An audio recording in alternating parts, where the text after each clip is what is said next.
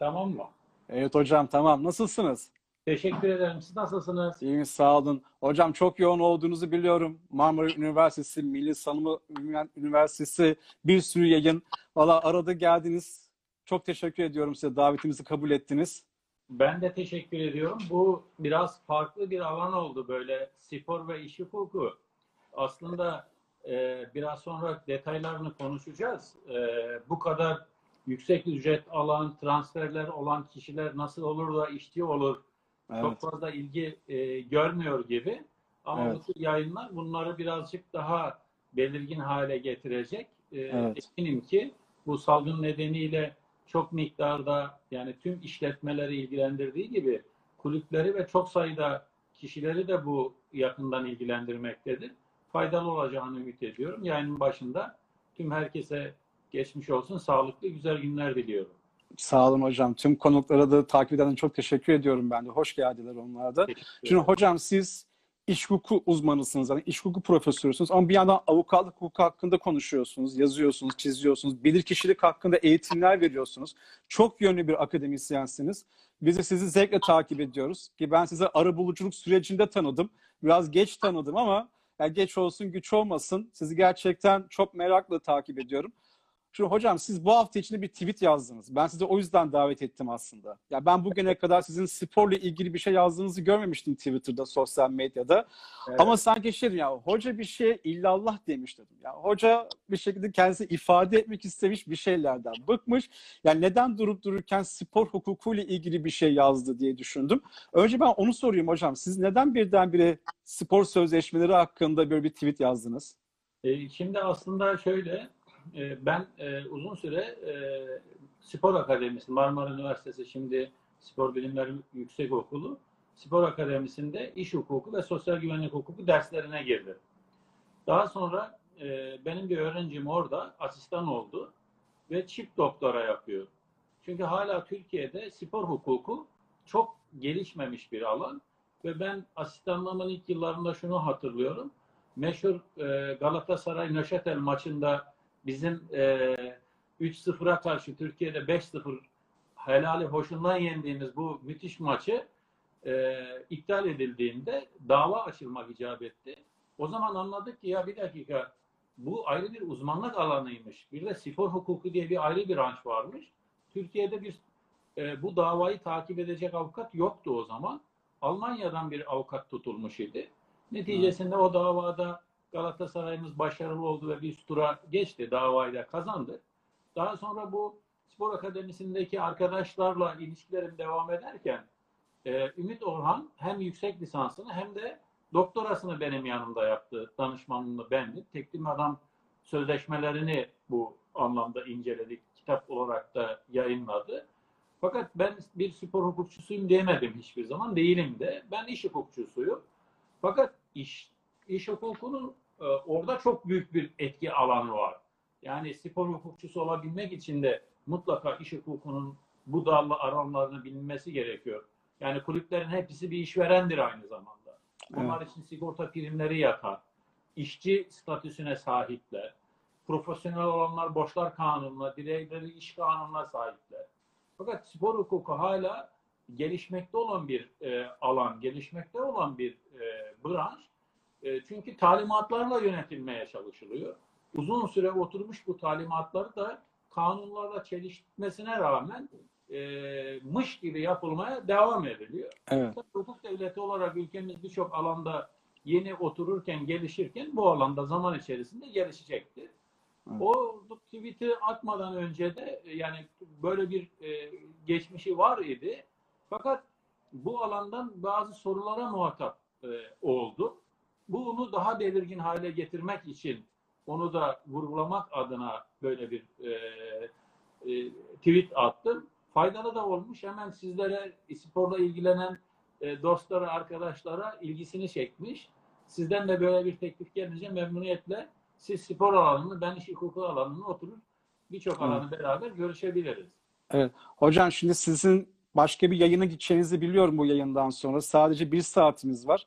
7'de bitirmek zorundayız. Siz böyle rica Şeye- etmiştiniz. kadar opsiyonum var. Yedi buçuk. öbür tarafa. Oh hocam harika. Tamam süper Evet. oldu. Çok rahatladım ben de. Şimdi hocam ben zaten size soruları gönderdim. Belli başlı soruları. Ben de bugün 4-5 meslektaşımdan birkaç tane hukuk fakültesi öğrencisinden soru aldım. İzin verirseniz ben onları kısa kısa size sorayım. Benim planda hazırladım zaten soruları. Yani siz isterseniz kısa isterseniz uzun cevap verin. Ne kadar uzun konuşursak o kadar iyi zaten ama benim bir plan dahilinde izin verirseniz yürüyelim. Şimdi ilk Evet. sorum şu. Ee, şimdi Türkiye'de şöyle deniyor. Bazı hukukçular şunu iddia ediyorlar. Diyorlar ki işte sporcuyla e, kulüp arasındaki ilişki asla hizmet sözleşmesi olamaz. Neden olamaz? Bazı iddiaları var. Bir, sporcular çok kazanıyorlar. İki, sporcular iş kanuna tabi değiller. Ve üç, bu çok enteresan geliyor bana. Bu iş sözleşmesi olamaz. Olsa olsa eser sözleşmesi olur diyorlar. Yani üç kriterleri var bu arkadaşlarımızın. Çok kazanıyorlar. İş kanuna tabi değiller. Olsa olsa eser sözleşmesi olur. Şimdi hocam sporcuyla, profesyonel sporcuyla kulüp arasındaki sözleşmenin niteliği nedir? Şimdi e, sporcuyla kulüp arasındaki sözleşmenin iş sözleşmesi olduğu konusunda en küçük bir tereddüt yok. Az önce söylediğiniz hiçbirisi gerekçe de değil. E, ve bu ne akademik camiada tartışılır ne de yargı kararlarında bu artık tereddüt yok bu konuda tartışılmaz. Çünkü bir işçinin iş, e, iş sözleşmesinin özellikleri bize işçi işveren ilişkisini belirler. Aradaki ücretin miktarı belirlenmez.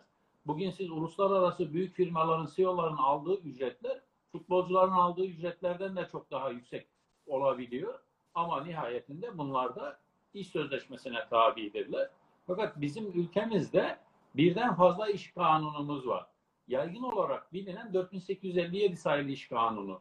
Bu klasik anlamdaki yani özel olarak belirtmediğimiz zaman iş kanunu bu kanundur. İş kanunun dördüncü maddesi diğer iş sözleşmesiyle çalış, çalışan bazı grupları, iş yerlerini ya da işçileri kapsam dışı bırakmıştır. Bunları kapsam dışı bırakırken bunlara özgü ayrı yasalar yapılsın diye.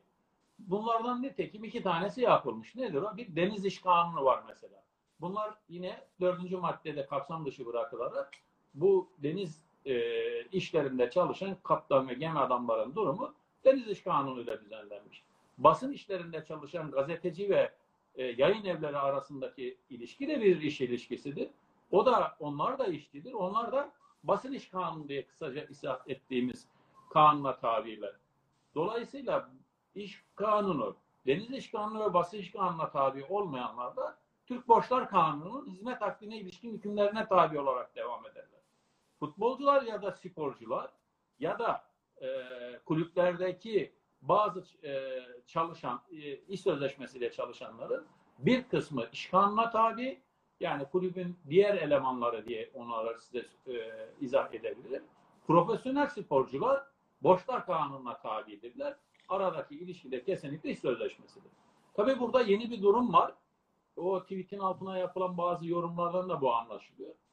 2018 yılına kadar Türk Borçlar Kanunu'na tabi olan işçilerin açacakları davalar genel mahkemelerde yani asli hukuk mahkemelerinde görülüyordu.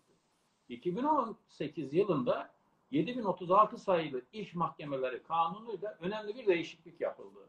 Bu iki e, önemli değişikliğin bir tanesi işçi hangi kanuna tabi olursa olsun bundan sonra davası iş mahkemesinde görülür. Profesyonel sporcular ya da sıklıkla karşılaştığımız mesela bir pilot, hostes de e, hava taşıma işleri örneğin iş kanunu kapsamı dışında Değil. Ayrı bir yasa düzenlenmedi. Düzenlenmeyenler borçlar kanuna tabi. Bundan sonra onlar da iş mahkemelerinde davalarını açıyorlar. Ve yine 2018 yılında 7036 sayılı kanunla gelen düzenlemeyle Türk Borçlar Kanunu'na tabi işçilerin açacakları davalarda da dava şartları arabuluculuk geldi. Onlar da zorunlu olarak arabulucuya gidip arabulucuda anlaşamadıkları takdirde davalarını iş mahkemelerinde açmaları gerekiyor. Şimdi hocam Türkiye'de hiç tartışılmayan bir şey var. Ben bugüne kadar görmedim daha doğrusu. Bir de federasyonlarla milli sporcular arasındaki ilişki var. Yani Evet. federasyonlar milli sporcuları veya sporcu milli sporcu adaylarını kamplara çağırıyorlar. Aylarca kamp yapıyorlar. Yurt dışına kamplara gidiyorlar. Yarışmaları, turnuvaları gidiyorlar. Neredeyse bir senenin 9 ayını 10 ayını federasyona vakfediyor bu sporcular. Ve milli sporcu oldukları için de hiç para pul konuşulmuyor. Yani vatan millet Sakarya. Siz millisiniz ne parası deniyor. Ama yurt dışına baktığımız zaman ABD'de, Norveç'te, İsveç'te iş o noktaya geldi ki kadınlar, erkekler aynı ücreti alsın kavgası var şu anda. Yani zaten bunlar federasyon işçisi kabul ediliyor. Hatta kadınlara da aynı ücret verilsin deniyor.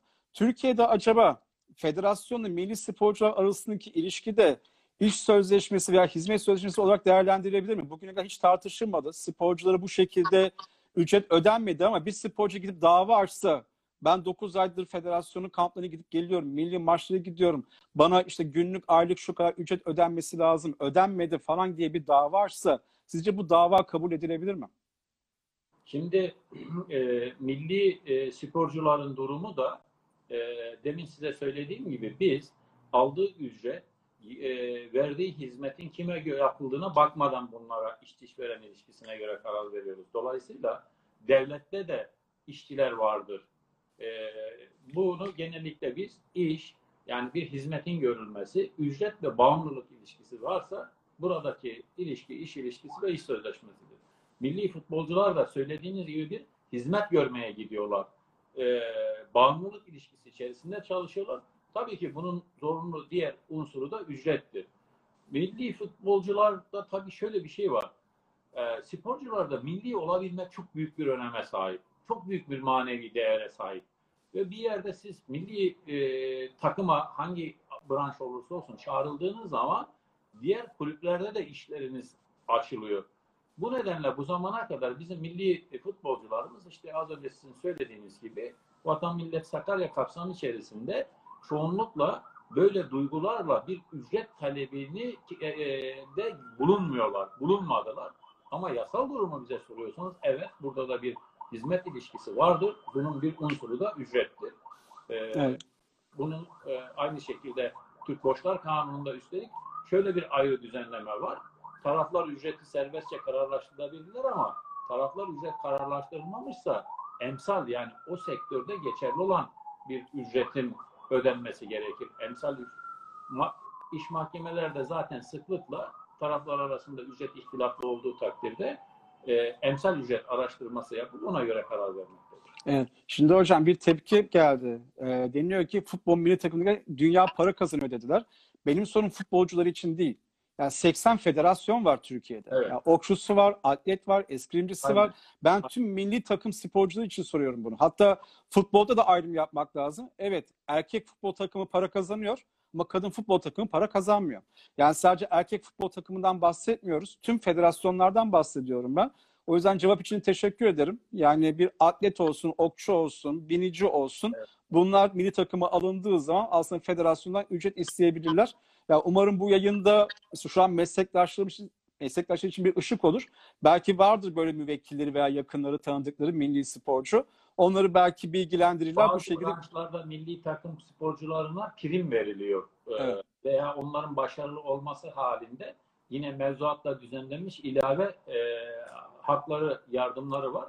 Ama Evet. öyle branşlar var ki sizin söylediğiniz gibi çok gelişmemiş, çok yaygın olmayan alanlarda Anadolu'dan gelen e, özellikle bu çocuklar biraz e, sık sahadan gelen kulağımıza göre devşirme e, sporculara ya başka ülkelerden alıp getirdiklerine bunlar veriliyor. Bize verilmiyor ve bu benzer yakınmalar söz konusu olabiliyor. Burada da milli duyguları rencide etmeyecek şekilde bunlara da benzer bir şekilde yardım edileceğini bunun muhtemelen federasyon farkında değildir diye düşünüyorum. İşte belki sporcuların farkında olup talep etmesi lazım. İşte Evet. burada da avukatları büyük iş düşüyor. İşte avukatlar aslında sporcuları bilgilendirecek. Hangi alanı tutarsak tutalım. Şimdi e, avukatlıkta şöyle bir şey var. Avukat sayısı çok fazla. Doğru. Ama e, iş alanı da çok fazla. Hala e, bu e, alanlarda e, uzmanlaşmış avukat sayımız parmakların elini geçmeyecek e, kadar ve birazcık e, irdelediğiniz takdirde detay yani standardın dışına çıkıp uzmanlaşmaya eğildiğiniz e, gerçekten e, çok e, bir iş hacmi olduğunu görüyorum. Evet. Onlardan, Hocam onlardan bir tanesi. Hocam avukatlıktan bahsettik. Mesela şöyle bir sorun da var Türkiye'de. Fransa'da avukatlar menajerlik yapabiliyorlar. Evet. Ama Türkiye'de basketbolda olsun, futbolda olsun menajer olmak için federasyondan izin almanız lazım. Federasyondan bir şekilde belge almanız lazım. Oraya kayıtlı olmanız lazım. Ve baktığınız zaman menajerlik aslında sözleşme görüşmeleri yapmak ve ona imza atmak. Yani şimdi e, bu avukatlık kanunu aykırı mıdır? Ya avukatları saf dışı bırakmak sözleşme görüşmelerinde ve hukuki bir görüşme, hukuki sonucu olacak görüşmeler bunlar. Hukuki sonucu olacak sözleşmeler yapılıyor burada. Acaba avukatlık kanunu burada e, bir şekilde ihlal mi ediliyor? Mesela bir avukat gidip ben menajerim diye oturduğu zaman masaya TFF tanımıyorum derse bu şekilde avukatın yetkisini, kanundan doğan yetkisini yok sayılması hukuka aykırı mıdır? Yoksa evet TFF izin Anladım. veriyor. Kim izin alırsa o yapsın mı diyeceğiz? Şimdi e, bunun ciddi anlamda e, irdelenmesi gerekiyor. Şöyle, bu menajerlik sözleşmesinin iki ayağı var. E, şimdi avukatlık kanununun ikinci maddesine göre her türlü hukuki hizmetlerin düzenlenmesi ancak avukatlara e, tahsis edilmiş özel bir e, meslektir ve bu bir tekel oluşturmaktadır. İşte menajerlik sözleşmesinin aynı zamanda taraflar arasında akdedilecek sözleşmeni belirleme yani hukuki tanzim etme tamamen avukatlık kanunundadır ve bunu başkalarına verilemezdi. Fakat bunun dışında kalan menajerlik sözleşmesi onu temsil, e, kulüp bulma, aracılık yapma kısmı avukatlara özgü bir meslek olmayan kısmı. Belki e, yani birkaç tane bu alanda konu var. E, örneğin işte patent vekilliği, marka vekilliği de keza ancak e, oraya şeyde sicile yazılı olmayı gerektirir. Arabuluculukta sicile yazılı olmayı gerektirir. Türkiye'de menajerlik içinde orada, e, e, federasyona e, izin belgesi alma koşulu e, getirilmiş ve bu konuda açılan davalarda da Yargıtay bunu e, geçerli saydı. İzin belgesi olmayanların yapmış olduğu sözleşmeleri de geçersiz sözleşme. Hatta bazı Yargıtay kararlarında geçersiz sözleşmeye dayalı olarak ücret talep edilemez diye de, de e, geçti.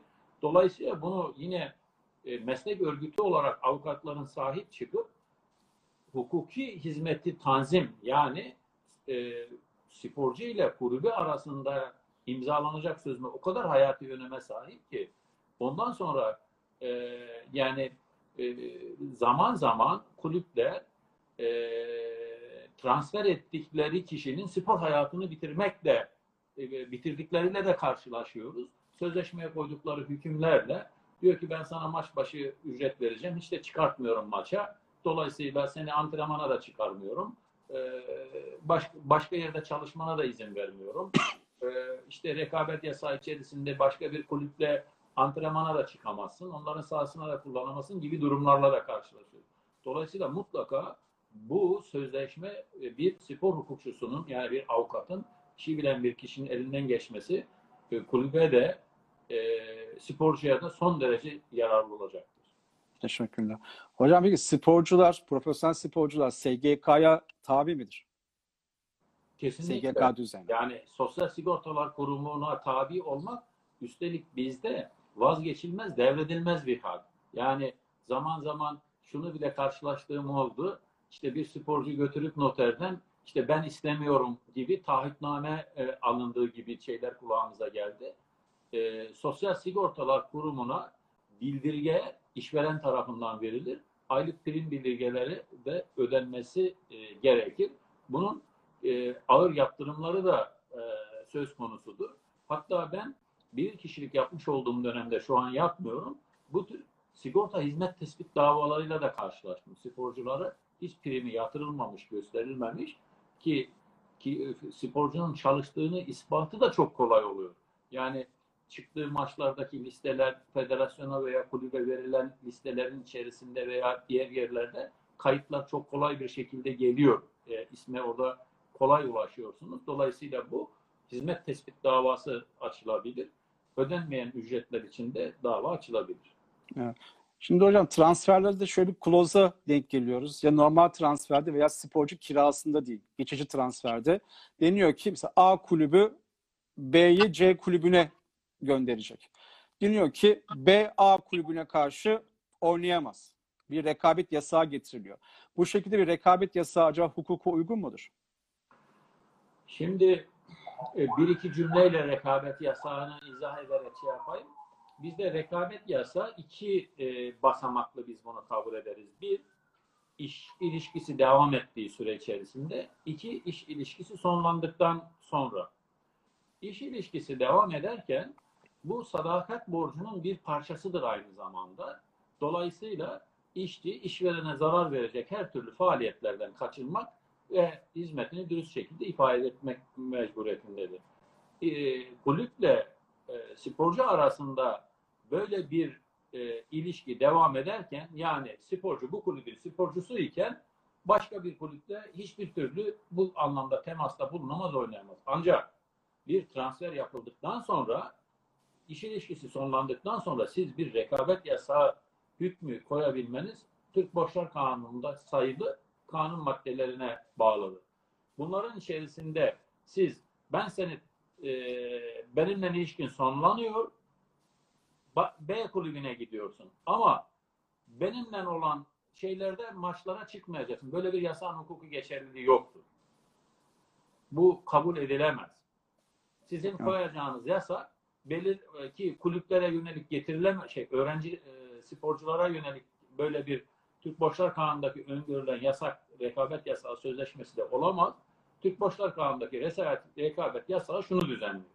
Diyor ki e, şayet işçi sende çalışırken senin ticari sırlarını öğrenebilecek nitelikteyse veya müşteri temsilcini bu durumda sebepsiz yere kendisi ayrılıp giderse ki orada da bakın siz transfer sözleşmesi yaptığınızda haklı nedenle işçi kendisi feshettiğinde veya sporcu ya da işveren kulüp öğrencinin e, sporcunun sözleşmesini sonlandırıldığında geçerli bir resabet yasağı olsa bile bu ortadan kalkar düşer e, ticari bir sır burada söz konusu değildir. Ha. Ticari sır söz konusu olmadığı için de bu A kulübüyle arasındaki ilişki sonlandıktan sonra başka kulüplerde istediği gibi oynayabilir, istediği gibi gidebilir. Bu anlamdaki sözleşme hükümlerinde geçerli yok. Şimdi şunu görüyoruz. Kulüpler bu basketbolda ve futbolda çok gerçekleşiyor maalesef. Ücretin ise bir sporcunun ücreti ödenmiyor bir türlü sporcu dava açıyor veya federasyona başvuruyor ve kulüp sporcu kadro dışı bırakıyor. Kadro dışı bırakmak acaba hukuku uygun mudur? Bir sporcunun kadro dışı bırakılması. Yani kadro dışı derken de antrenmanları bile çıkarmıyorlar. İki türlü yapıyorlar bunu. Ya tek başına antrenman yapacak veya işte PAF takımıyla, genç takımla, yıldız takımla antrenman yapacak. Bu şekilde asıl takımdan, asıl kadrodan uzaklaştırılması sporcunun acaba bu yaptırım geçerli midir? yoksa hukuka aykırı mıdır? Şimdi e, bir sporcunun kadro dışı bırakılması bir disiplin cezasıdır. Disiplin cezalarının e, önceden mutlaka kanuna uygun olarak e, düzenlenmesi ve e, insan onurunu zedelemeyecek bir şekilde olması gerekir. Siz bir sporcuyu kadro dışı bırakmakla kalmayıp onu tek başına patlatımıyla antrenmana zorladığınız zaman onun kendisinin kariyerine büyük bir zarar vermiş. Aynı zamanda sporculuk onurunu zedelemiş olursunuz. Bu nedenden dolayı bunların çok ciddi düzenlenmesi gerekir ve yani keyfi olmaması gerekir. Yani siz bugün kafama esti, e, ben böyle yapıyorum. Hayır, sizin böyle bir yetkiniz yok. Bakın şunu söyleyeyim, e, artık e, iş mahkemeleri işverenlerce ki konu özünde şöyle söyleyeyim onu, kulüplerin vermiş oldukları disiplin cezası mahiyetindeki davalara da bakıyorlar. Hani siz bunu götürdüğünüz zaman hemen bir tedbir kararı da alabilirsiniz. Böyle bir e, kararın haksız olduğunu tespitini de mahkeme yaptırabilir. İşlemin iptaline de karar verebilir. Bu geriye döner sporcuya çok büyük e, haklar sağlar. Örneğin iş sözleşmesini hak nedenle feshedip bakiye süre ücretin tamamını talep hakkı da bunların içerisinde yer alır. Evet. Çok dikkat etmek gerekir. Ölçü spor hukukunun içerisinde var olan örf adete uygun bazı disiplin ve e, benzer şeylere anlayış gösterilmesi gerekir ama bu kanunla çeliştiği veya bir sınırı aştığı ölçüde de haksız ve hukuka aykırı olur. Evet. Şimdi hocam sporun magazin boyutu da var ve bazı kulüplerin sporculara özel hayatında gerçekleşen olaylardan ötürü ceza verdiğini görüyoruz. Yani sporla ilgili değil o kişinin yaptığı. Mesela bar çıkışı kavga ediyor.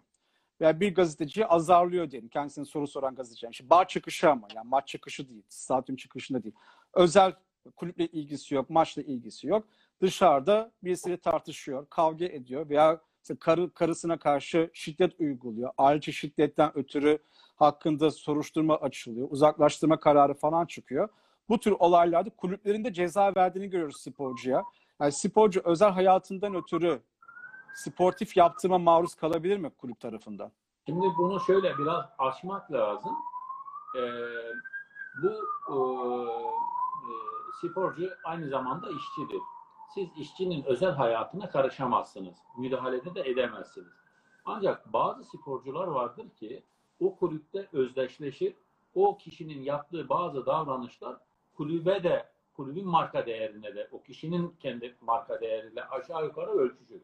Dolayısıyla bu tür tanınmış kulüple özdeşleşmiş sporcuların kendi özel yaşantılarına da dikkat etmesi beklenir bir noktaya kadar. Ama siz orada e, özel yaşamı ihlal edecek şekilde ağır müdahalelere e, katılamazsınız, e, şey yapamazsınız. Bu aynı zamanda bakın tanınmış şeye ilişkin aklıma bir şey geldi. Mesela yanılmıyorsam Fransa'da olmuştu. Bir otomobil fabrikasının müdürü e, ta, e, arası açılmaya başlayınca e, genel müdürle e, gitmiş başka bir otomobil markası e, Evet. almış ve onunla iş yerine geliyor. E, diğer e, işçilerin olduğu yere e, park ediyor, kullanıyor. Tabii buna neye sebebiyet veriyor? E, işçi bakıyor diyor ki ya bizim otomobilimiz e, demek ki e, müdürümüz başkasını kullandığına göre o daha Evet. kaliteli veya daha marka değeri yüksek bir şey veriyor. Dolayısıyla burada bir e, hukuki süreç yaşandı. Buna paralellik bir an aklıma geldi kurdum. Onun için böyle kulüple tanınmış marka değeri yüksek kişilerden daha özen beklenir. Onu öyle söyleyeyim. Şimdi hocam iş yeri yönet iş yeri yönetmeliğinden bahsettiniz. Şöyle bir uygulama da yaşanıyor sporda. İşte sporcu mesela sarı kart görüyor, kırmızı kart görüyor. Ama sezon sonu da yaklaşıyor şimdi. Ee, kulüp de şöyle yapıyor. Ne kadar alacağı varsa sporcunun kendisinden o alacak miktarı kadar ceza veriyorlar sporcuya. İş dayanarak ve sporcu bakiyi alamıyor, ücretini alamıyor. Disiplin yönetmeliği bu şekilde yapılabilir mi? Yani disiplin nasıl yapılması lazım? Cezaların nasıl belirlenmesi lazım? Ve alacak kadar ceza verilmesi hukuka uygun mudur? Şimdi e, bakın mesela iş kanununda bir e, işçiye iki günlüğünden fazla ceza verilemezdi. Bu cezanın özelliği de işveren alamaz bu cezayı. Bu cezayı Türkiye İş Kurumu'nun hesabına yatırması, diğer işsizler için bu şeyin kullanılması gerekiyor. Ancak bizim ülkemizde bu alan çok fazla gelişmediği için çok kolay bir şekilde bu tür cezalar veriliyor. Diğer taraftan iş hukukunda ücret sadece işçinin kendisi için değil, onun ailesi nafakasıdır. Yani gerek icra iflas kanununda gerekse diğer kanunlarımızda ücretin dörtte birinden fazlası haczedilemez. Açık hüküm var. Ee, bütün buna rağmen söylediğiniz gibi zaman zaman kulüplerin kendi e, sporcularına bunu gözden kaçırıp e, alacağının tamamına veya o ayki ücretinin veya birkaç aylık ücretinin ceza olarak verildiği gibi duyumlar geliyor. Bence bunların hukukta yeri yoktur. Talep edebilir. Ayrıldıktan sonra da talep edebilir. Ücretle zam aşımı 5 yıldır. Peki hocam şöyle denebilir mi? Mesela bu aslında bir sözleşme cezası, ceza şart ve ceza şartın fahiş olduğu, hukuka, ahlaka, kamu düzenine aykırı olduğu iddia edilerek acaba e, bu yönde de itiraz yapılabilir mi? Cezai şarta gitme gidemezsiniz. Çünkü ücret kesme cezai şart olamaz. Hı hı. Ee, ama başka durumlarda cezai şart kararlaştırılabilir. E, cezai şartta özellik şudur bizde. iki taraf içinde eşit miktarda cezai şartın kararlaştırılması lazım. Dolayısıyla hem iş kanununa tabi hem bu tür koçlar kanununa tabi olan profesyonel sporcular için iş, kulüplerin koymuş oldukları tek taraflı cezai şartlar da geçersizdir zaten. Evet. Şimdi hocam sporcular dışında bir de teknik direktörlerle ilgili bir sorun var. Evet. Ee, en azından futbol için söyleyeyim. TFF'nin mevzuatında deniliyor ki bir teknik direktör bir sezonda en fazla iki kulüpte çalışabilir şeklinde bir sınırlama var. Ama, fut, ama kulüpler için en fazla iki teknik direktör çalışabilirsin diye bir sınırlama yok. Şimdi teknik direktörler için getirilen bu sınırlama hukuka uygun mu? Ee, tam da yerine geldi. Hani cezai şartta eşit olması gerekir dedik. Ardından bu soru geldi. Bundan paralel bir şekilde verilmesi gerekir. Bu hukuka uygun değildir. Şimdi bakın bir e, bir kulüp e, istediği kadar teknik direktörle çalışabilirken bir teknik direktörün en fazla iki kulüple çalışacağı hükmünü getirdiğinizde bu kulüple olan iş sözleşmesinin ne şekilde sonlandığına da bakmadığınızda belki Evet. kulüpler tarafından haksız olarak e, iş sözleşmesi sonlandırılmış, işine son verilmiş bir e, teknik adamın o zaman siz anayasadan kaynaklanan çalışma hürriyetini de elinden almış e, oluyorsunuz. Burada iki taraflılık da keza söz konusu değil. Bu hüküm katiyen tamamen geçersiz olacağını düşünüyorum. Evet. Şimdi hocam TFF'de başka bir düzenleme var futbolcularla ilgili. Futbolcunun ücreti yatırılmıyor. Temelini düşürüyor, düşüyor işveren, kulüp. Ee, TFF mevzuatında deniyor ki eğer sözleşmeyi feshedeceksen eğer en az 30 gün süre vereceksin. 30 gün içinde ödeme yapılmazsa ancak 7 gün içinde feshedebilirsin. Düzen. Yani 30 gün süre verilecek ve sadece 7 gününüz var feshetmek için. Efendim? Bu talimatta yer alıyor değil mi? Talimata yer alıyor hocam. Acaba bu talimat hükmü hukuka Bu- uygun mu? Talimatta o kadar çok kanuna aykırı düzenlemeler var ki. Şimdi e, biz e, ücretin ödenmemesi başka hiçbir nedene gerek kalmaksızın iş akdini fesih sebebidir ve temerrüt otomatik olarak oluşuyor. Çünkü kanunda diyor ki e, yani profesyonel sporcular için soruyorsanız Türk Borçlar Kanunu, Evet. diğerler için iş kanununda ücret en geç ayda bir ödenir diyor. Taraflar bunu ayda biri uzatamazlar ama kısaltabilirler. Haftalık ücrete kadar dönebilirler. Şimdi dolayısıyla orada vade belirlenmiş, yasayla belirlenmiş bir vade söz konusu. Aybaşı geldiği zaman ücretini ödeyeceksiniz. Ben ücreti ödeyemeyeceğim. E ödemek için onun bana ihtarname çekip bir aylık daha bir süre koyup o sürede geçtikten sonra bu biraz e, aşırı zorlama bir talimat diye düşünüyorum kulüpler lehine. Şimdi bazen masa başında bu tür düzenlemeler, düzenlemeyi e, yapmak isteyen kulüpler kendi bunun lehlerine bunu görebilirler, şey edebilirler. Ama ülkedeki futbolun veya diğer spor branşlarının sporun gelişmesinin önünde engel teşkil ediyor bu tür e, düzenlemeler. Onun için mutlaka bunların da yasaya ve örf adete uygun olarak hazırlanması gerekir. Onun Bir da- başka evet sağ olun. Bir başka talimat hükmü var. Ee, daha doğrusu pardon kulüplerle bir sorun yaşanıyor. Şimdi hem teknik direktörler hem de futbolcular belirli süreli sözleşme yapıyorlar. Yani Evet. 31 Mayıs'ta sözleşmeler sona eriyor mevzuat gereği. Ya belirli sözleşme sözle, e, belirli süreli sözleşme şöyle bir sorun var yalnız hocam. Kulüpler sözleşme diyorlar ki iki taraf istediği zaman bir hakkı sebep ileri sürmeden sözleşmeyi feshedebilir. Ya bu anlamda belirli süreli sözleşmede istenildiği zaman fesih öngörülmesi doğru mu, mümkün mü, hukuka uygun mu hocam? Çünkü Yargıtay'ın kararları var. Yani benim gördüğüm, sizin görüşünüzü o yüzden merak ediyorum. Belirli süreli sözleşmede bu şekilde fesih olmaz diyor. Şimdi orada durum şu. Bir sözleşme belirli süreli sözleşme ise buna e, karakteristik özelliği şudur. Yapıldığı zaman sona erme tarihinin belli olan bir sözleşmeye biz belirli süreli sözleşme deriz. Şimdi hem sona erme tarihi 31 Mayıs değil, arada da istediğim zaman feshedebilirim şeklindeki bir düzenleme sözleşmeyi belirli yapma iradesinden uzaklaşma anlamına gelir. İş Kanunu'nun 11. maddesinde belirli süreli sözleşmelerin yazılı olacağı ve objektif nedene dayalı olarak yapılacağı düzenlenmiştir. İş Kanunu'nda bir dolu benzer düzenlemelerin geçersiz olduğu ve sözleşmenin belirsiz sayıldığına ilişkin hüküm var. Fakat Türk Borçlar Kanunu'nda böyle bir hüküm yok. Şimdi böyle bir hüküm olmadığı için bir noktada şunu anlayabilirim ben. Ee, futbol faaliyet özür hep futbol gibi bizim Sorun değil hocam. Genelde onu konuşuyor. O söz konusu zaten. yani. belirli bir takvim yılı ayı içerisinde yapılıyor. Sezon. Şimdi bu sezona ilişkin olarak siz 31 Mayıs'ı baz alan sözleşme yapabilirsiniz.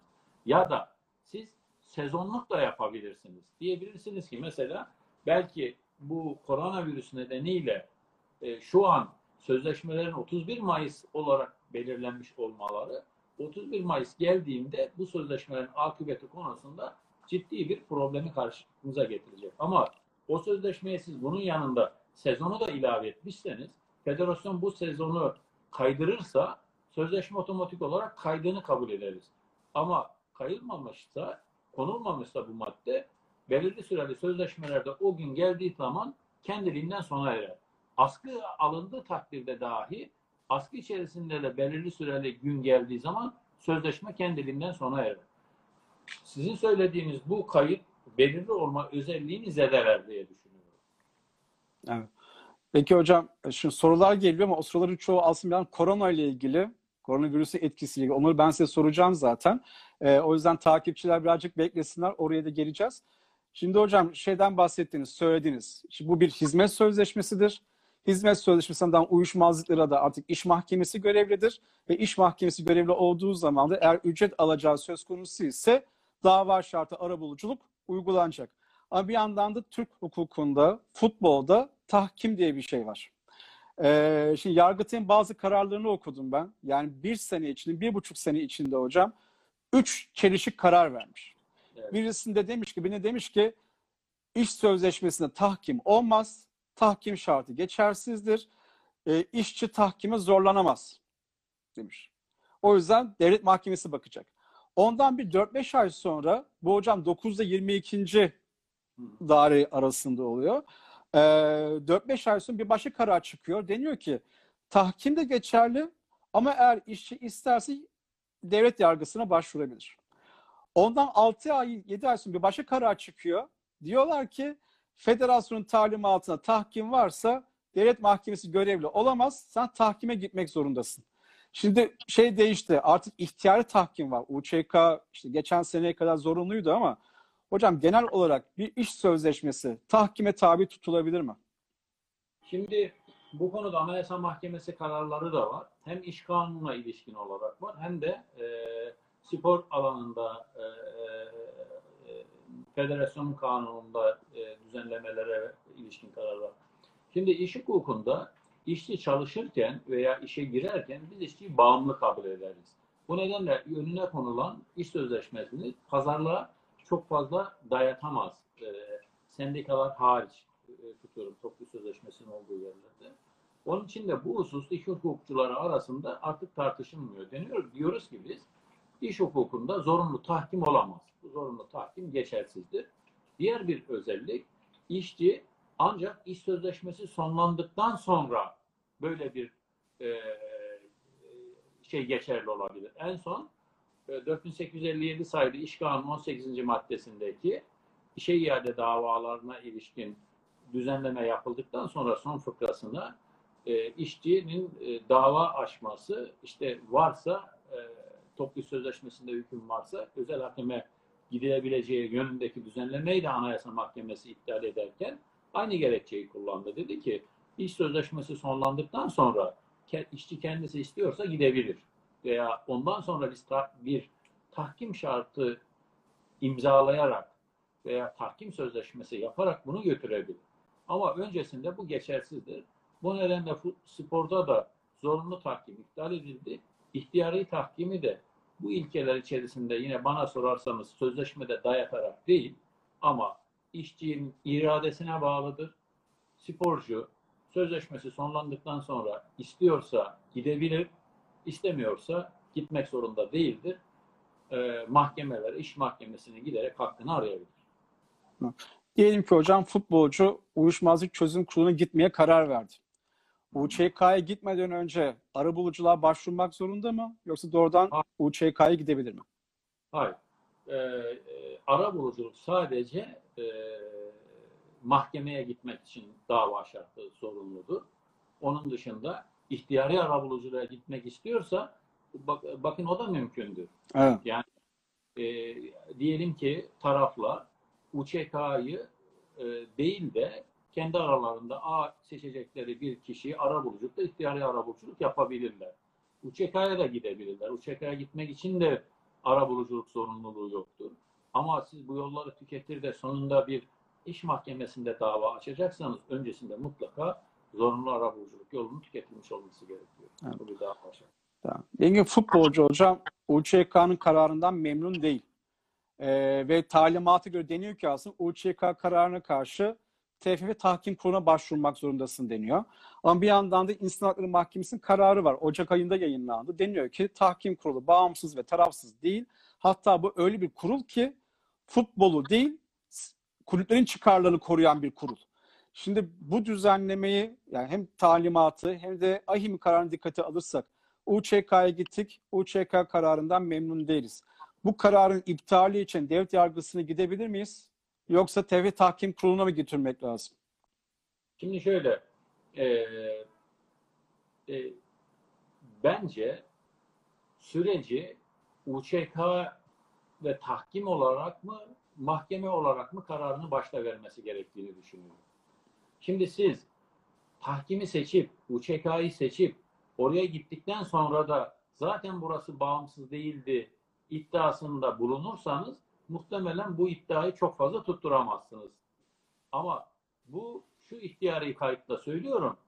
Elbette buradaki UÇK'nın kararına karşı gidilen yaptığı zorunlu olması ve oranın kulüpler lehine e, vesaire durumu Avrupa İnsan Hakları Mahkemesi'nin buranın bağımsız yargı olmadığı vesaire gibi e, söylemlerini bir kenara bırakarak söylüyorum ama siz başlangıçta bir tercih hakkına sahipsiniz. Onun için zorunlu olmaz dedik zaten. Biz ihtiyari dedik. İhtiyariyken de başta bunu seçin. Seçtikten sonra oraya e, gitmek ve verilen karara razı olmanız gerekir gibi geliyor. Yoksa hiç oraya gitmeyin. E, ara bulucuya ve iş mahkemesi yolunu tercih edin. Peki hocam şey olmaz mı? Yani HMK'da sonuçta tahkim kararlarının iptali için dava açmak mümkün. Yani Aynen. UÇK'dan sonra gitmeyelim. Mesela UÇK'ya gittik. Oradan tahkime gittik. Tahkim de benzer bir karar. verdi. Aslında başvuruyu reddetti. Ve gerçekten karar kamu düzenine aykırı. Çok açık. Ha, onlar da- Tahkimden tahkimden sonra gidebilir yok. miyiz peki? Siz kararı beğenmedim diye. e, Yok kamu düzenine bu- aykırı. ben bu yöntemi ben istediğim sonucu alamadım. Bir de mahkemeyi deneyeyim mantığı açısından olmaz. Ama tabii ki HMK'daki hakem kararlarının denetimi sayılı sınırlı sebeple mümkün. Evet. Onlar açısından mümkün. Evet hocam çok teşekkürler. Şimdi hocam izin verirseniz koronavirüs tartışmaya başlayalım sizinle. Tabii.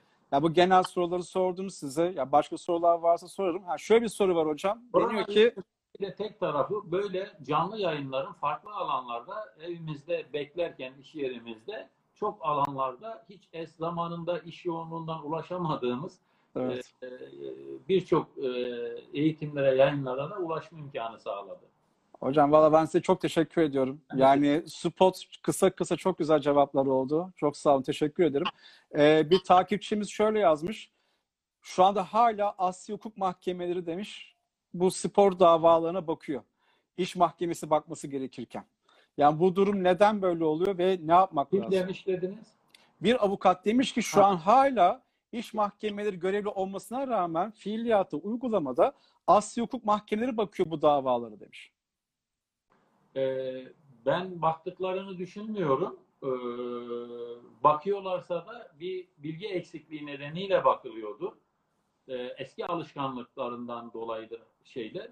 Ama görev artık e, şeyde e, bölge adliye şimdi Yargıtay kararı e, soruyor arkadaşlarımız. Ama Evet. bölge adliye mahkemeleri artık buna kesin olarak e, karar veriyor.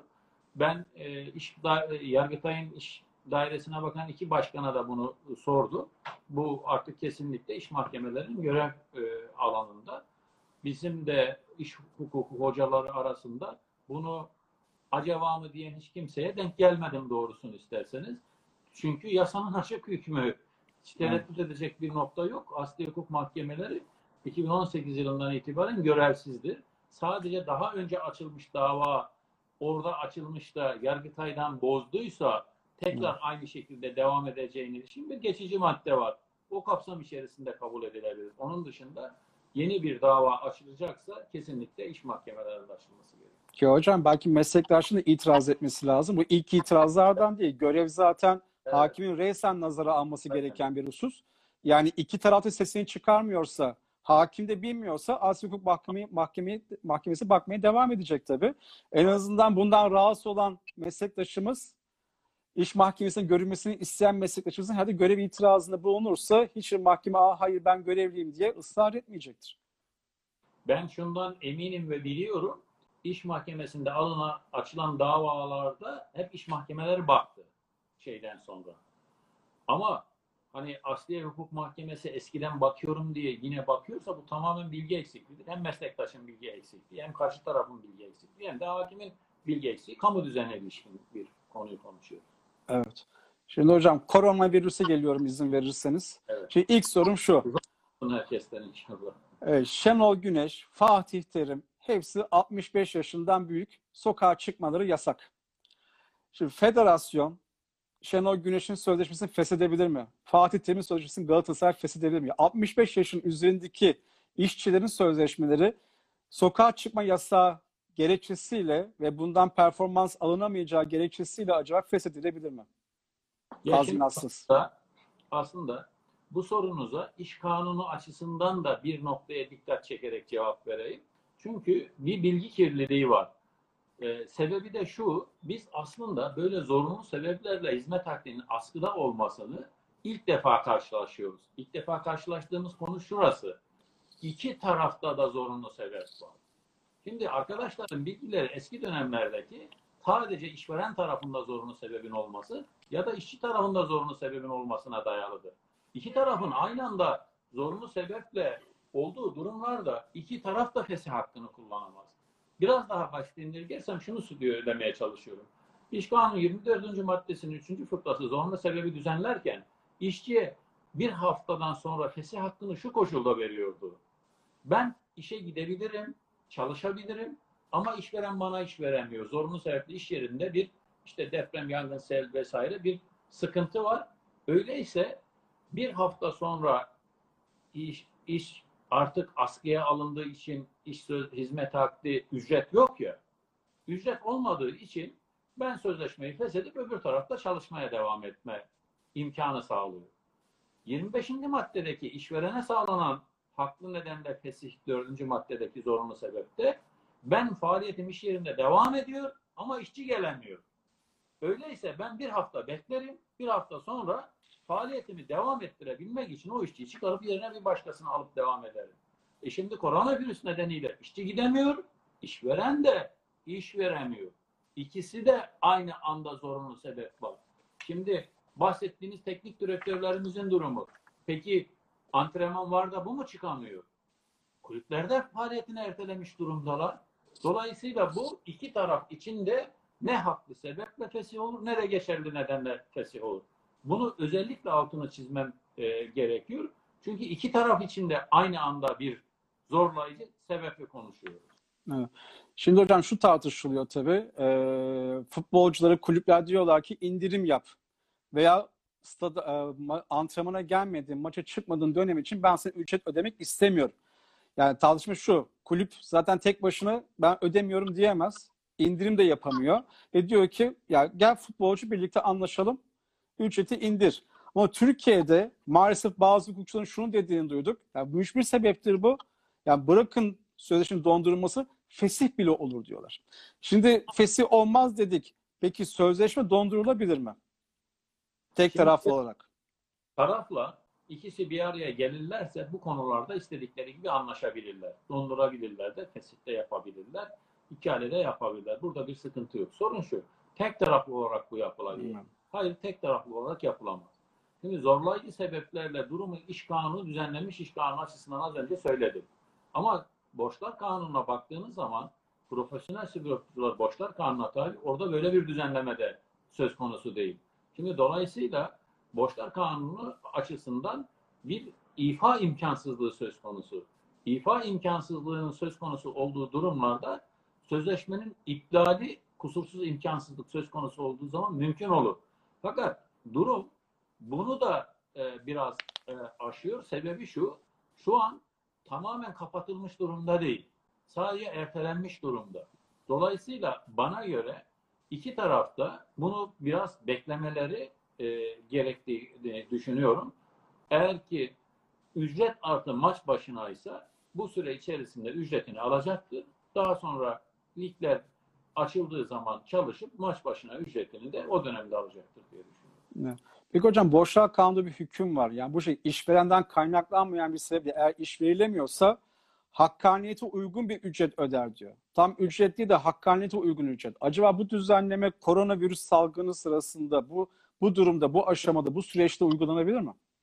Yalnız o 409. maddenin e, başında e, e, işveren temerrüdünden e, e, işverenin iş vermemesi Evet. veya da kusurlu hareketinden söz bahsediyor.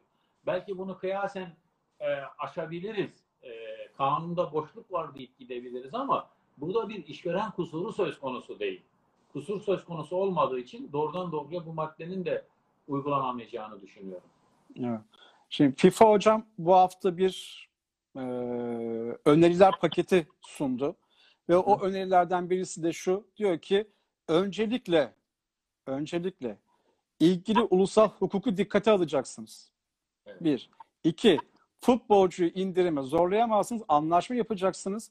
Bu anlaşmada eğer mümkünse toplu iş sözleşmesiyle olacak diyor. Şimdi Türkiye'de ben cevabı biliyorum da e, özellikle öğrenciler için söyleyeyim. Şu an Türkiye'de futbolcular için, basketbolcular için, voleybolcular için, olarak spor sektörü için toplu iş sözleşmesi yapabilecek bir sendika var mı?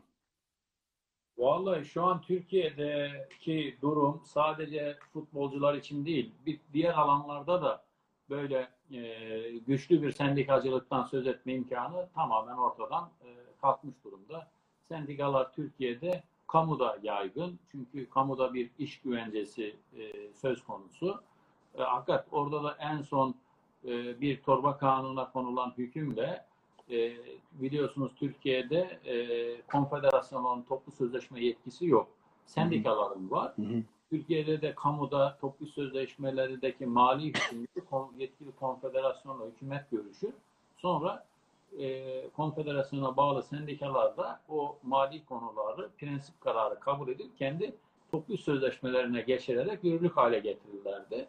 Daha önceden bir geçtiğimiz yıl yanılmıyorsam torba kanunda hükümetle konfederasyonun yani yetkisi olmayan konfederasyonun yaptığı bu e, çerçeve protokollerinin zorunlu ve bağlayıcı hale getirildi.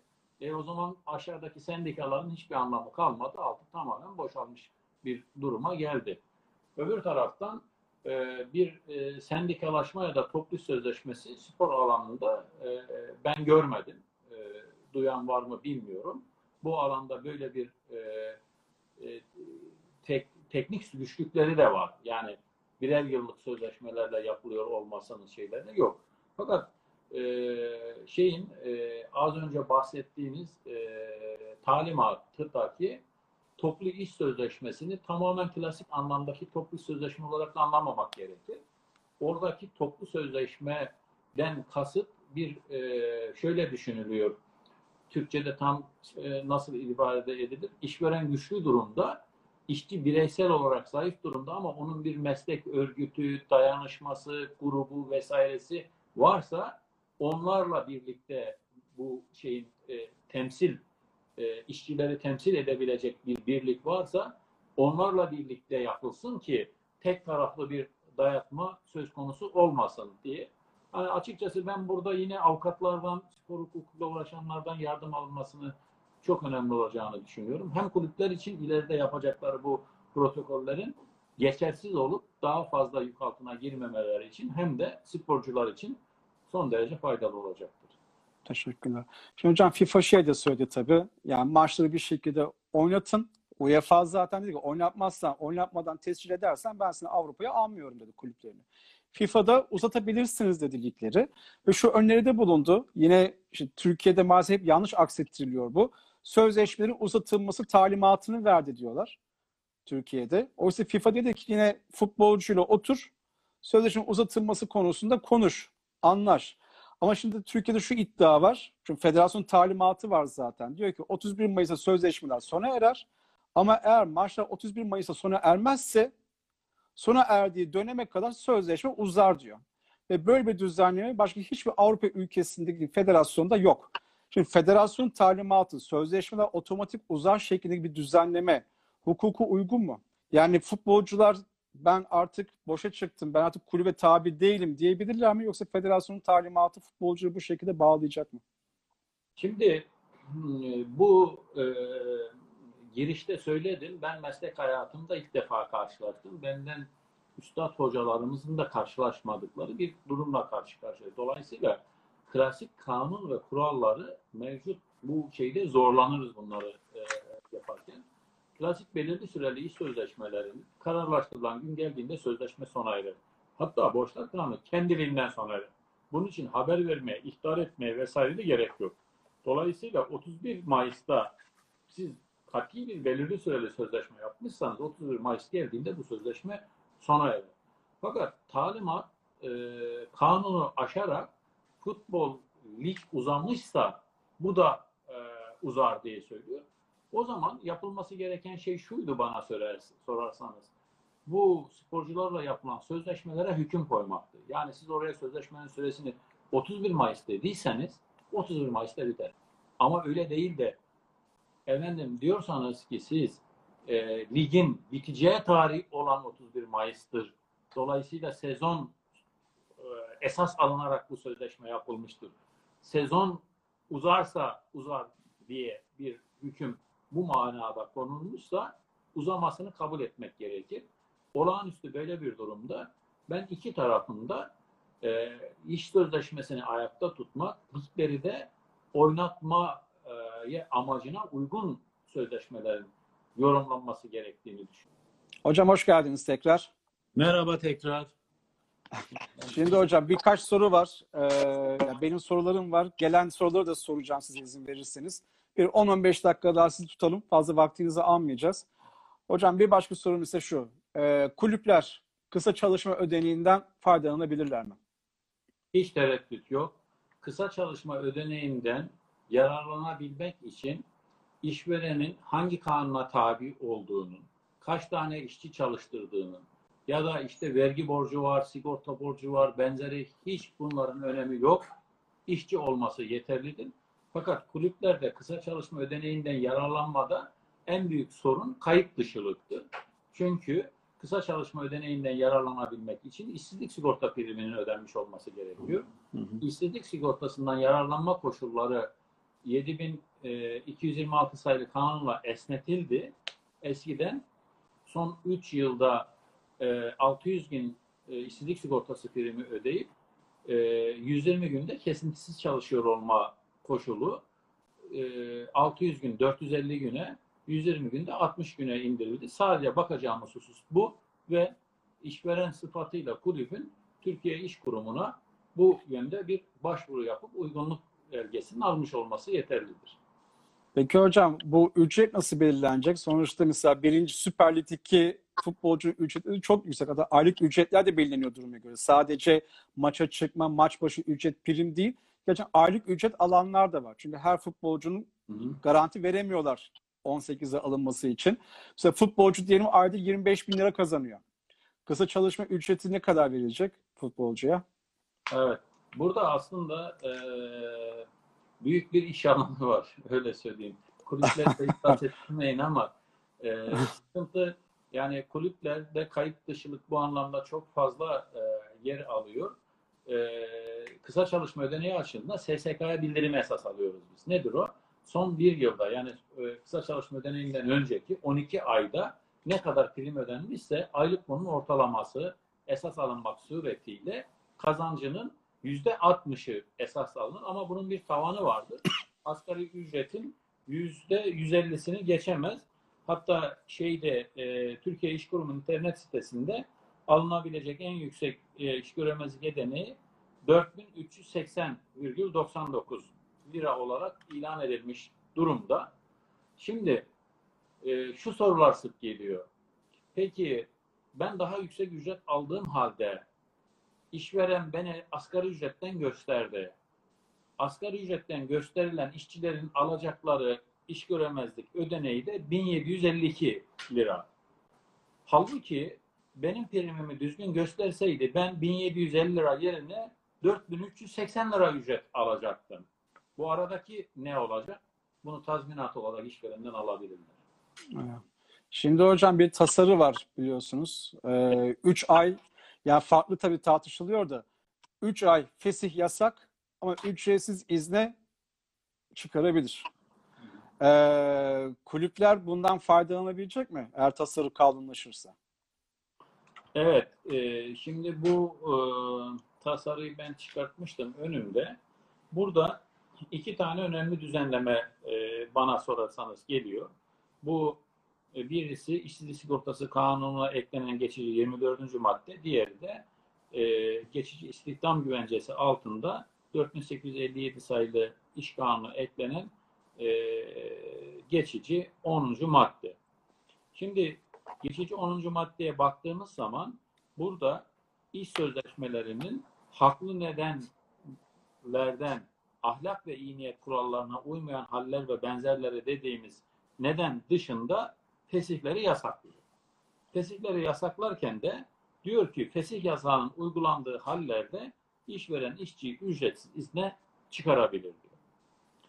Şimdi ücretsiz izne çıkarıldığı zaman durum ne olacağında işsizlik sigortası kanunla bir demin söylediğim 24. geçici madde ekleniyor. O da diyor ki bu fesih yasağı süresince ücretsiz izne çıkarılanlara fondan yani işsizlik sigortası fonundan günlük 39,24 lira ücret ödenir.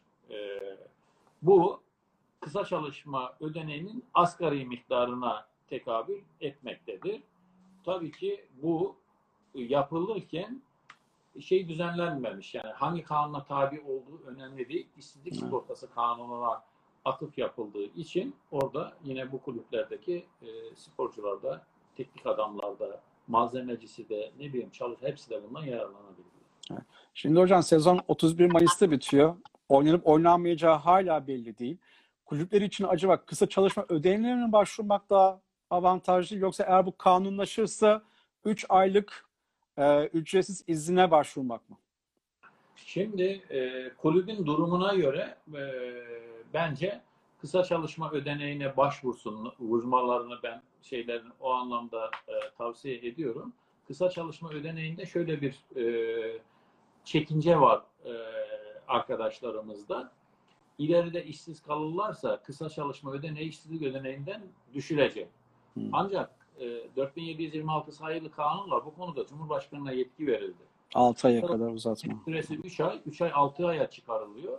Ve aynı zamanda da bu mahsubun yapılıp yapılmayacağı konusunda Cumhurbaşkanı'na yetki veriliyor. Ben ileride bunun mahsup yapılmayacağı ve hatta yapılmaması gerektiğini düşünüyorum. Mahsubu yaparsanız işçinin zaten primlerinin karşılığı olan e, işsizlik sigortasını önden e, peşin olarak vermiş olursunuz. Çünkü yarın bu e, virüsün etkisi sonlandıktan sonra da işçinin işine devam etmesi bizim açımızdan son derece önemli. İşte orada devam edemiyorsa işsizlik sigortası bir gelir güvencesi olarak e, işçiye çok önemli bir destek sağlayacağı önemli bir dönem olarak e, karşımıza çıkıyor. Tabii yeni tasarıdaki gelen ücret güvencesi işsizlik sigortası koşullarına bağlanmamış. Dolayısıyla kulüplerde sigorta bildiriminin yapılmaması ya da e, kısa çalışma ödeneği için gerekli olan 450 gün prim ödeme ve 60 gün kesintisiz çalışma koşulunu sağlamayanlar buna başvurması isabetli olacaktır. Onlar zaten kısa çalışma ödeneğinden yararlanamayacaklar. Evet. Şimdi hocam e, Türkiye'de durum bayağı kötü salgından ötürü. Biz şu anda en fazla ölünün gerçekten 9. ülkeyiz biz en fazla maalesef vatandaşını kaybeden ve diğer ülkelere göre daha dik gidiyor. Daha tehlikeli bir durumdayız şu anda.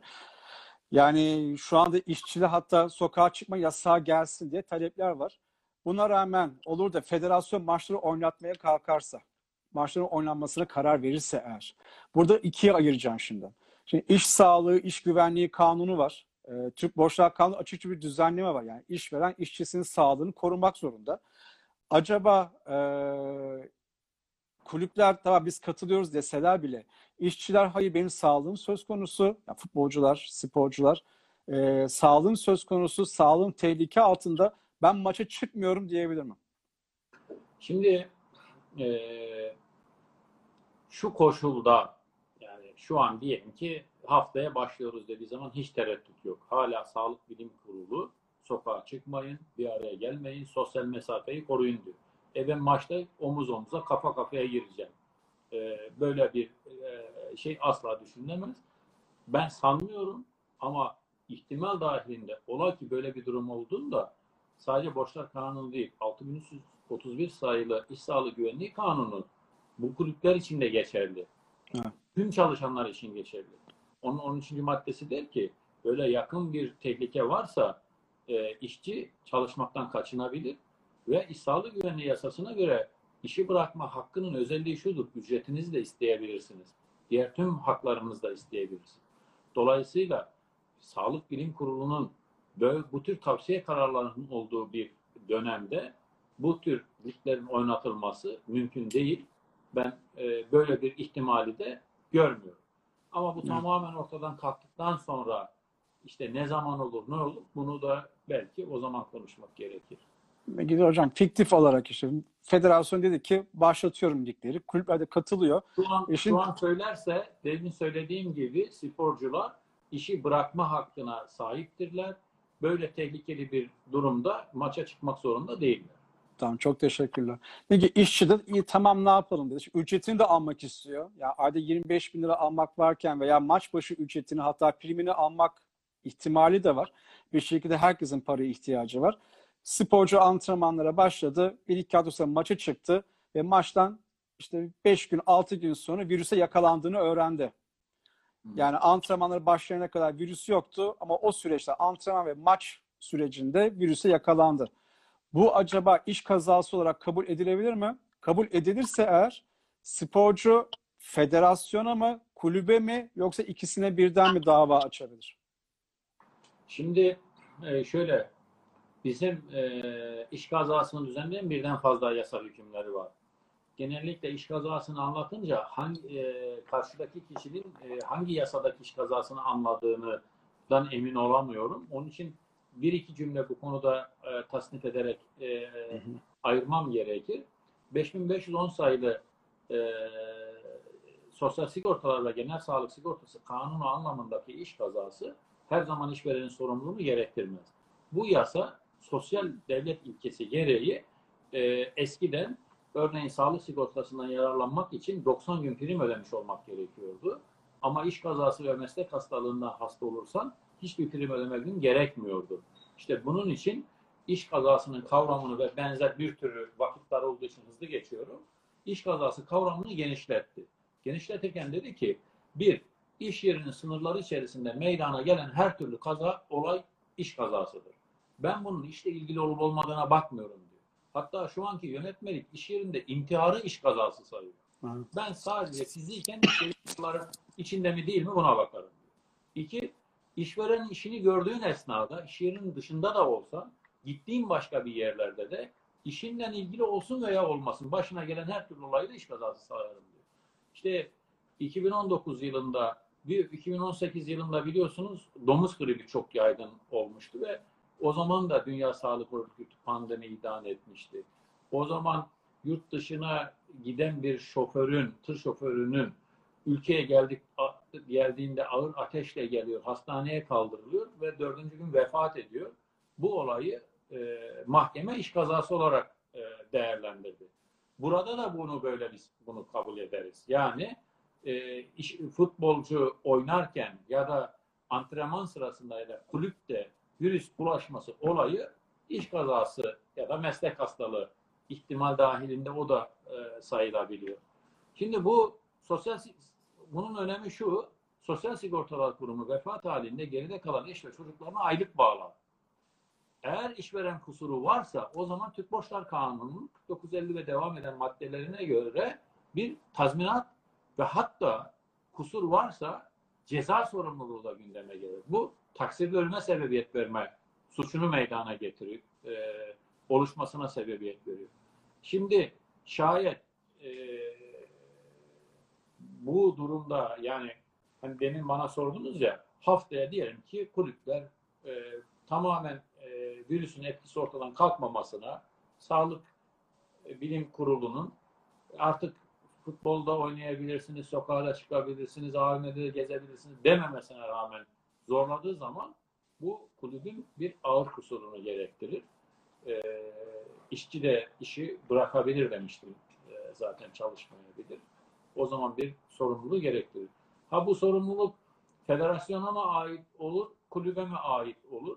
O zaman ben şuna bakarım. Federasyonun bu kararına rağmen kulüp mecbur muydu bunu yapmaya e, şeye?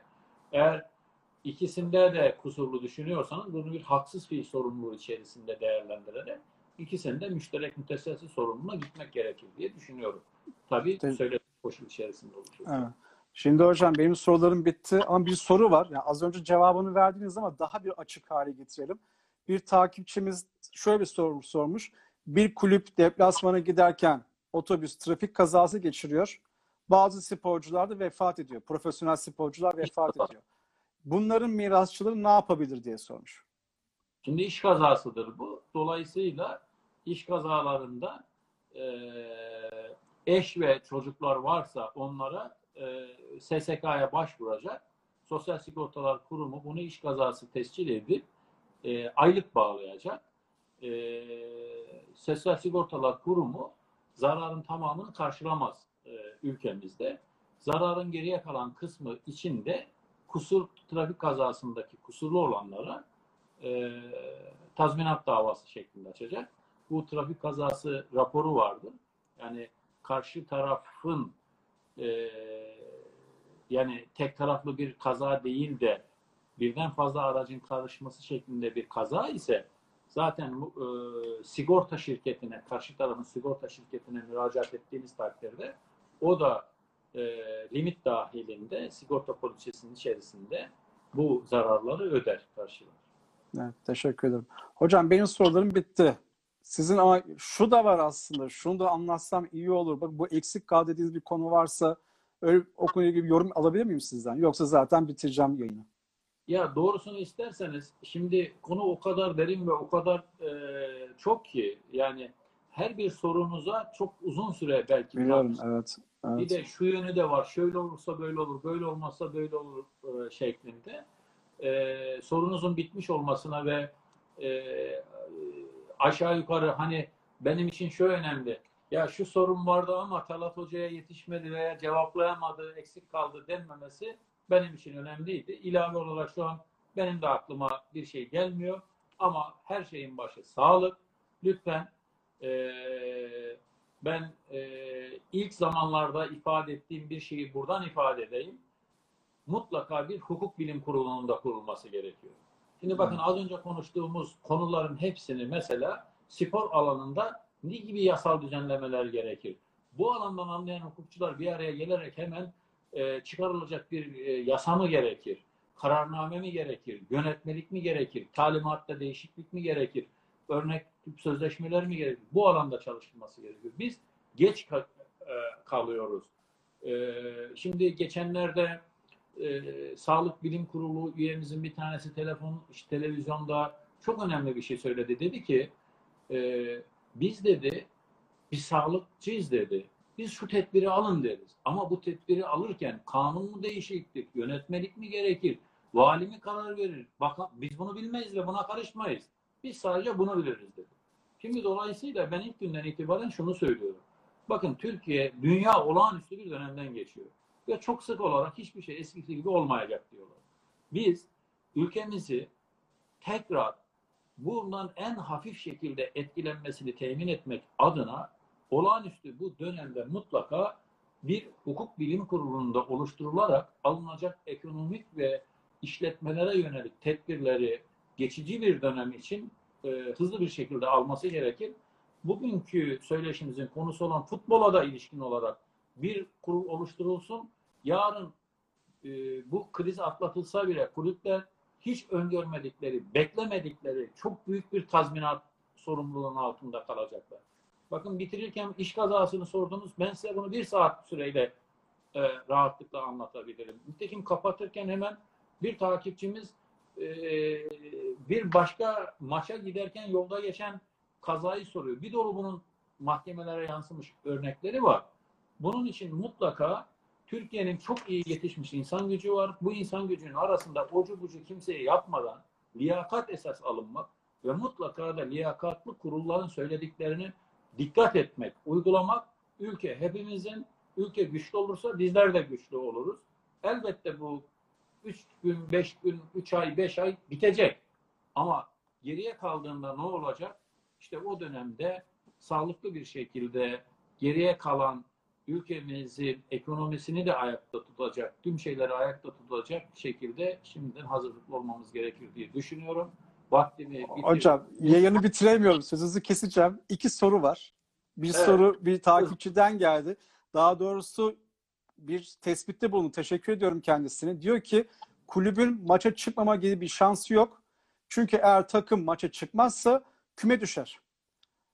Çünkü federasyon diyor gerçekten. Yani geçersiz bir şekilde daha doğrusu federasyon muhakkak öyle yapacaktı. Talimat ne derse desin. Tamam. Maçlara çıkmıyorsan düşürüyorum. İşte böyle bir tehdit durumunda kulübün sorumluluğu olur mu? Yoksa sadece federasyona mı başvurulabilir? Çünkü küme düşme tehlikesi var. Size şunu söyleyeyim. Ben hemencik diyelim ki şeyin e,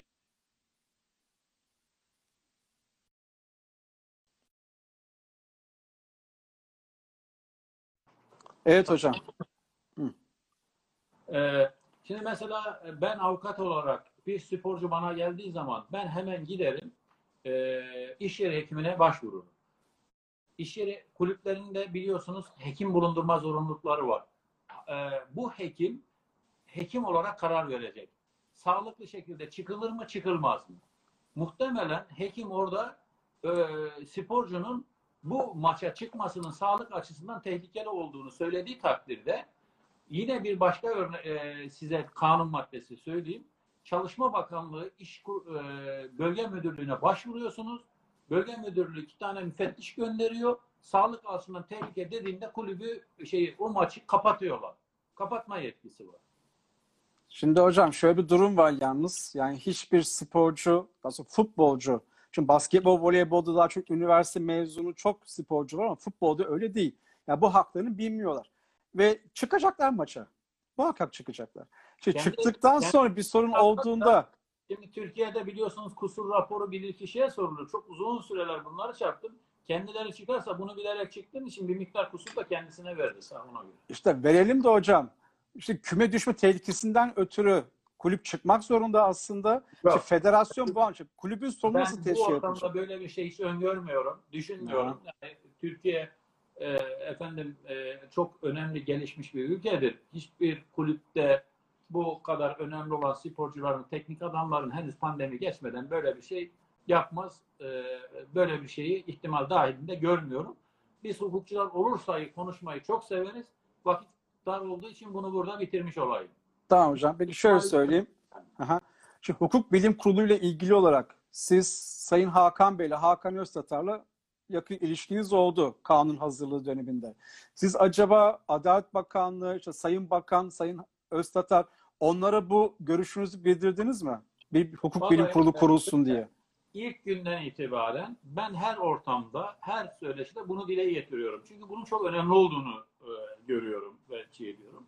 Bilim kurulunda yer almak gibi bir niyetim falan da yok. Yok Ama- hocam ben o açıdan sormuyorum zaten. Hayır, hayır. kurul kurulmasını önerdiniz mi? Söylemiyorum zaten. Yani bizde hemen öyle ardından da Evet, diğer maalesef. var. Onun için söylüyorum. Maalesef. Ara buluculuk eğitimleri sırasında Hakan Öztatar'ı yakinen tanıdım.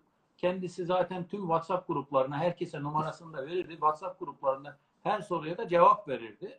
Ee, hakikaten o WhatsApp grubunda çıkmamış olsaydı oradan sorardık.